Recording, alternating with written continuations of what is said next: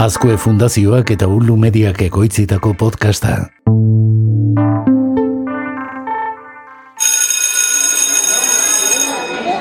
Duela gutxi arte irakaslea gelaren aurreko aldean kokatzen zen, ikaslei begira, eta gelan sartu orduko hitz egiten hasten zen, berriz ere txirrina joarte. Ezagunak egingo zaizkizuen noski betiko eskola magistralak, ikasleek isilik egon eta entzun baino egiten ez zutena. In nomine Patris et Filii et Spiritus Sancti. Gauzak aldatzen doa zordea eta pixkanaka, maila guztietan gero eta ohikoagoak dira metodologia ezberdinak erabiltzea. Hau da, irakaslearen azalpenei ikaslea ikaskuntza irakaskuntza prozesuaren erdigunean ipintzen duten metodologia aktiboagoak gehitzea. Ikaslei ahots propio bat ematea alegia. Oh, happy day. Oh, happy day. Oh, happy day. Eta hemen gure saioan ere ahots propioa lantzea gustuko dugunez, ba, erretolikak utzi eta goazen behin gozastera.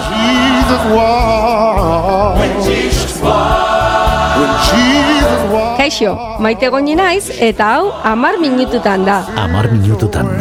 Maite gonirekin.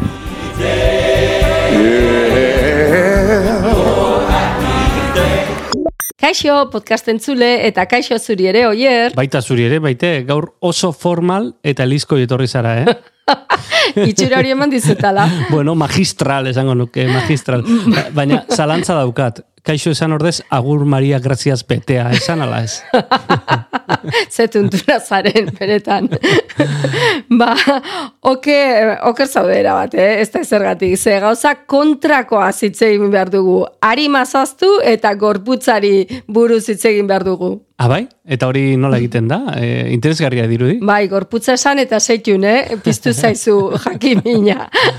ba, ez, eh, lehen aipatu ditudan metodologia aktiboetan oinarrituta, ba, ikaslek hainbat zeregin egin behar dituzte, ez? Adibidez, ba, ikaslek protagonista diren neurrian ikertu egin behar dute, esperimentatu, gero gogo eta egin, hausnartu, eta, bueno, taldean lan egin, eta beste hainbat gauza.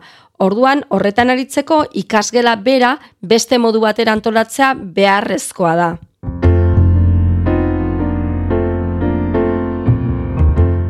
Ara, e, orain ulertu dut kontua, gorputzaren kontu hori.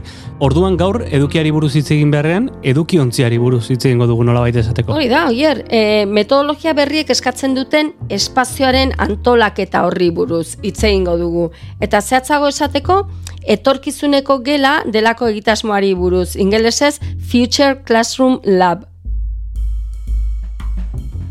Bai, ba, beitu, duela urte, ja lau bat urte hasi honekin, European Schoolneten e, Future Classroom Lab, etorkizuneko ikasgelaren laborategia ezagutu genuen, eta sare hezkuntzak ematen zigun aukera aprobetxatuz, ba, haiek duten tresna sorta pixkat e, horreri begira martxan jartzen hasi ginen eskola. Entzun duguna arrate ugalde da, eta mar minututan bigarren sasoian egon zen gurekin, hain zuzen ere gai honetaz izketan. Eta zer da Future Classroom Lab delakoa? Ba, Europatik datorren egitasmo da. Estatu mailan Intefe koordinatzen du autonomia erkidegokin lankidetzan.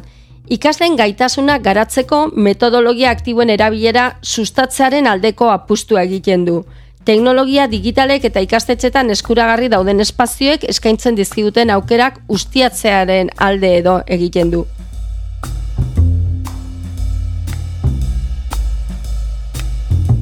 Sarreran aipatu dugun bezala, metodologia aktiboetan ikasleak hartzen du protagonismoa ikaskuntza prozesuan zehar. Ez dago beti aulki berean eserita, irakasleen azalpenak entzuten, ez? Hori badakigu ikasleak informazioa bilatu, egin behar du, ikertu, lankidetzan arazoak ebatzi behar ditu, produktua sortu, honelakoak, ez? Eta horiek guztiak modu egokian bideratzeko ezinbestekoa da espazioa egokitzea. Orduan, egitasmo honek ikasgelaren barruan ikaskuntza eremu ezberdinak sortzea proposatzen du. Nolabait esatearren garaibateko txokoak edo, baina hogeita bat garren mendera egokituak, teknologia txertatuz espazio ezberdinetan, espazio horren helburu didaktikoaren baitan.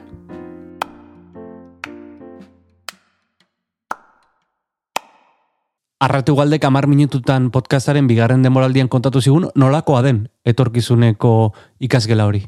E, espazio handi eta koloretsu bat da, e, ikasleri nahi diegu eman e, aukera eurak euren ikaste prozesuan inguruko erabakiak hartzeko. Bai, eta orduan, e, lau espazio ezberdinetan dago banatuta gela hau, Mhm. alde batetik pentsatu, e, txokoa, beste alde batetik diseinatu, gero egin eta gero aurkeztu. Mhm. Eta, Ze interesgarria maite, baina era berean esan behar dizut, pixka zarra sentitzen naizela, zen nire garaian zigortuaren txokoa baino etzegoen gelan paretaren kontra edo gelatik kanpo. Oi, oi, oi, askotan egoten zinen. Batzutan bai, batzutan bai. Oi, oi, oi, baze. Bueno, egi esan behar badugu, txokoen inguruan hemengo ikastetxetan lanketa handia eginda. Lanketa handia aipatzen duzu, eh, etorkizuneko ikasgela honek ere alegina handia suposatuko du, ezta? Bueno, bai, alegina da, ez e, hitz egiten ari gara espazio berriak eraikitzeaz eta barrez, baina Europako Future Classroometik eratorritako egitasmo honek, ba, hori guztia diseinatzeko laguntza, baliabideak eta bar eskaintzen ditu. Ba, primeran, guazen ikustera zeintzuk diren hauek. pentsatzen dugu etorkizunean e, oso importantea izango dela malgutasuna eukitzea pertsonak, ez? Eta euren erabakiak hartzeko gai izatea. Orduan, e, iruditzen zaigu teknologia guk gailuak eta aplikazio ezberdinak eta gauza ezberdinak jartzen ditugu ikasleen eskura, baina uzten diegu ere eureri bururatzen zaiena ero ezagutzen duten bat erabiltzen. Orduan, pentsatzen dute, diseinatzen dute, batzutan ordenagailu eta beste batzutan ez, baina bai iruditzen zaigu oso garrantzitsua dela aurkesterakoan, naiz eta e, modu analogikoan egindako zerbait aurkeztu behar, gailu Mhm. digitalak ere erabiltzea. Eta hor lotzen dugu hizkuntza gaitasunarekin, ez da komunikazioareko e, gaitasunarekin. Future Classroom Lab edo etorkizuneko ikasgela proiektu zabala da eta ematen die irakaslei eta ikastetxei ba, hainbat baliabide esan dugun bezala ez. Alde batetik eskaintzen ditu formazioa online, aurrez aurre modalitate ezberdinetan eta bar, baina baita baliabideak eta tresnak. Eta honetara noa, ze adibidez, hasiera hasieratik gaia lantzeko baliabide mordoa topa ditzakegu hainbat gunetan, gero aipatuko ditugun gune batzuetan. Eta zeintzuk dira urrats hauek ba? Hasierako urratsean ematen ditu baliabideak parte hartzaileak eta joerak identifikatzen laguntzeko, hau da, ze joerak eh, dauden hezkuntzan, berrikuntzan eta bar. Bigarren, ba, gela irudikatzeko eta diseinatzeko laguntza ematen du, ideia orokor bat egiteko, eta hirugarren urratsa eszenatoki zehatzak sortzea izango da, eremu ezberdinak ez, esan duguna ikertzeko, bestelako, ba, hoiek ere diseinatu egin behar dira, eta webgune hauetan, ba, badago laguntza horiek diseinatzeko.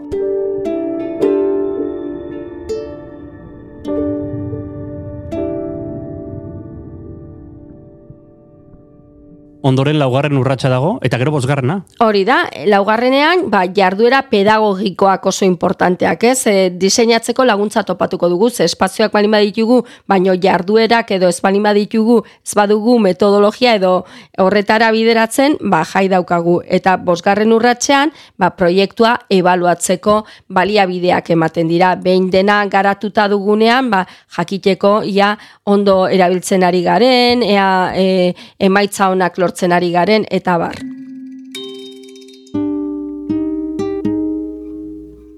Horretaz gain, badago webgunean gauza bat oso oso interesgarria dena, ez ikastetxentzat eta da, ba, jarduera egoeren banku bat. Alegia, hasi beharren diseinatzen jarduerak zerotik, ba, hor badaude eredu pila bat guk erabilditzakegunak. Orduan, adibideak, ereduak, beste herrialde batzuetan erabilitakoak, eta bar. Txantilloi baten bidez proposamen bat egiten dute, ba, gelan edo nork aplikatu alizateko. Aizu, oso proiektu sendoa eta landua dirudi, ez? Bai, eta e, nire ustez gauzarik interesgarriena da baliabide hauek irekiak direla. Orduan, egin liteke ikastetxe moduan zerbait oso zuk esan dezuna, oso proiektu sendoa eta landua, edo egokitzapen libre bat. A, alegia, ba, norbaitek inspirazioa nahi balin badu bere gela irakasle mailan, ez da behar ikastetxe oso mailako gauza egitea, ba, baliabide gehiagirik gabe, baino ideia hauekin aplikatu ditzake ba, bere ikasgelara eta txoko ezberdinak ba, nola sortu, nola eragin horietan, nola jardun eta bar, ba, aterako ditu idea mordo bat. Beraz, egin liteke modu oso antolatuan eta mm, pixa libresiago. Tira, eh, asko gustatzen zait maite, aipatzen dituzunean baliabideak, ez? Eda azkenean hitz egiten egon garena, baina konkretura eramatea. Hori da, eta horretarako ezinbestean ezinbestean, joan gaitezke jatorrizkoa kontsultatzeko proiektua egitasmoa ingelesez dago, ba, Future Classroom lameko, labeko gune nagusira e, fcl.eun.org ipiniko dugu, eh? Ordun, Future Classroom Labeko fcl hori.eun.org. Bertan, hau guztia diseinatzeko tresnak, eremu ezberdinak, nola izan daitezken irudikatzeko azalpenak, bizita virtuala, idea bat egiteko zer egin liteken, egiesateko oso oso ondo dago. Eta gero, nahi balin badugu, e, aipatutako guztia, e, aula del futuro www.intef.esen baita aibe topatuko dugu, eh, gazteleraz. Orduan, bi iturriak ditugu. Jatorrizkoa ingelesez eta bestea gaztelaniaz. Biak ere oharretan jarriko ditugunak. Aizu zeo, maite, e, dena dela, galdera daukat, e, horrelako ikasgelekin laster ikaslek ez duten nahiko etxera joan. Zuk uste zu hori horrela izango dela, guk nahi bai irakasleok, baino ez dut uste, eh? nik ere ez dut uste, nik ere ez dut uste. Alare, e, zure azken hitzetan ingelesezko eta gaztelazko gogunek aipatu dituzunez, maite, e, baldago hemen Euskal Herrian ere zerbait horrelakoa. Bai, hori da, e, garrantzitsuena azkenerako utzi dugu, eh? hain zuzen ere saioan zehar, orain dela hiru urte bat edo elkarrizketatu genuen arrate ugalderen hainbat korte entzuna izan ditugu. Hain zuzen ere, zarauzko oroki eta ikastetxe publikoko irakaslea da bera, ezta? Hori da, amar minututaneko bigarren sasoiko amargarren atalean izan zen, orduan norbaitek entzun nahi balin badu e, han topatuko du ez, ba, egin genion elkarrizketa, eta berak ba, kontatu zigun nola ipini zuten abian, ba, beraien ikastetxean egitasmo hau. Eta edo norke e, nahi balin badu areago jo, ba bera da hain zuzen koordinatzailea, egitasmo honen koordinatzailea, ba e, gure erkidegoan. Bueno, guk gomendatuko diogu entzulari, e, merotekara jo, eta mar minututanen bigarren sasoiko amargarren atala entzutea, bertan aipatzen da Future Classroom, e, sormen gelap, bezala, ez? Mhm, eta mhm. tira oso interesgarria izan zen. Nik uste garbi geratu dela, baina bazpare aipatu nahi deta maio horretik, ez ari espazioak ederrago egiteaz. Horren ordez, aipatzen duguna da, espazio hauek egokiak izatea metodologia berrientzat.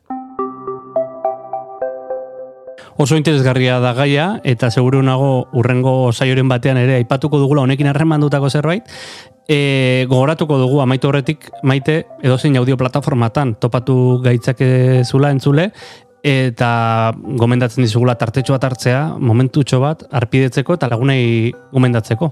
Hori da, irakasleren bat edo hezkuntza komunitateko edo norri izan liteke entzule, ze kontua da gurasoentzat ere interesgarriak izan litezkela idea hauek, ez, oier? Zalantzari gabe, ni guraso bezala asko ikasten dute hamar minututan egiten eta zuri entzuten, beraz, bueno, guztiei gomendatu e, eta urrengo saioan ikusiko dugu elkar.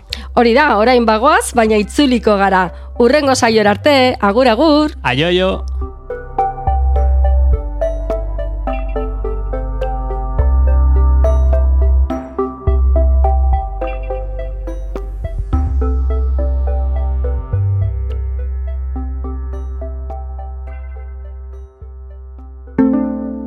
aio! Azkoe Fundazioa. Ei, txt, entzun hori. Ulu Media.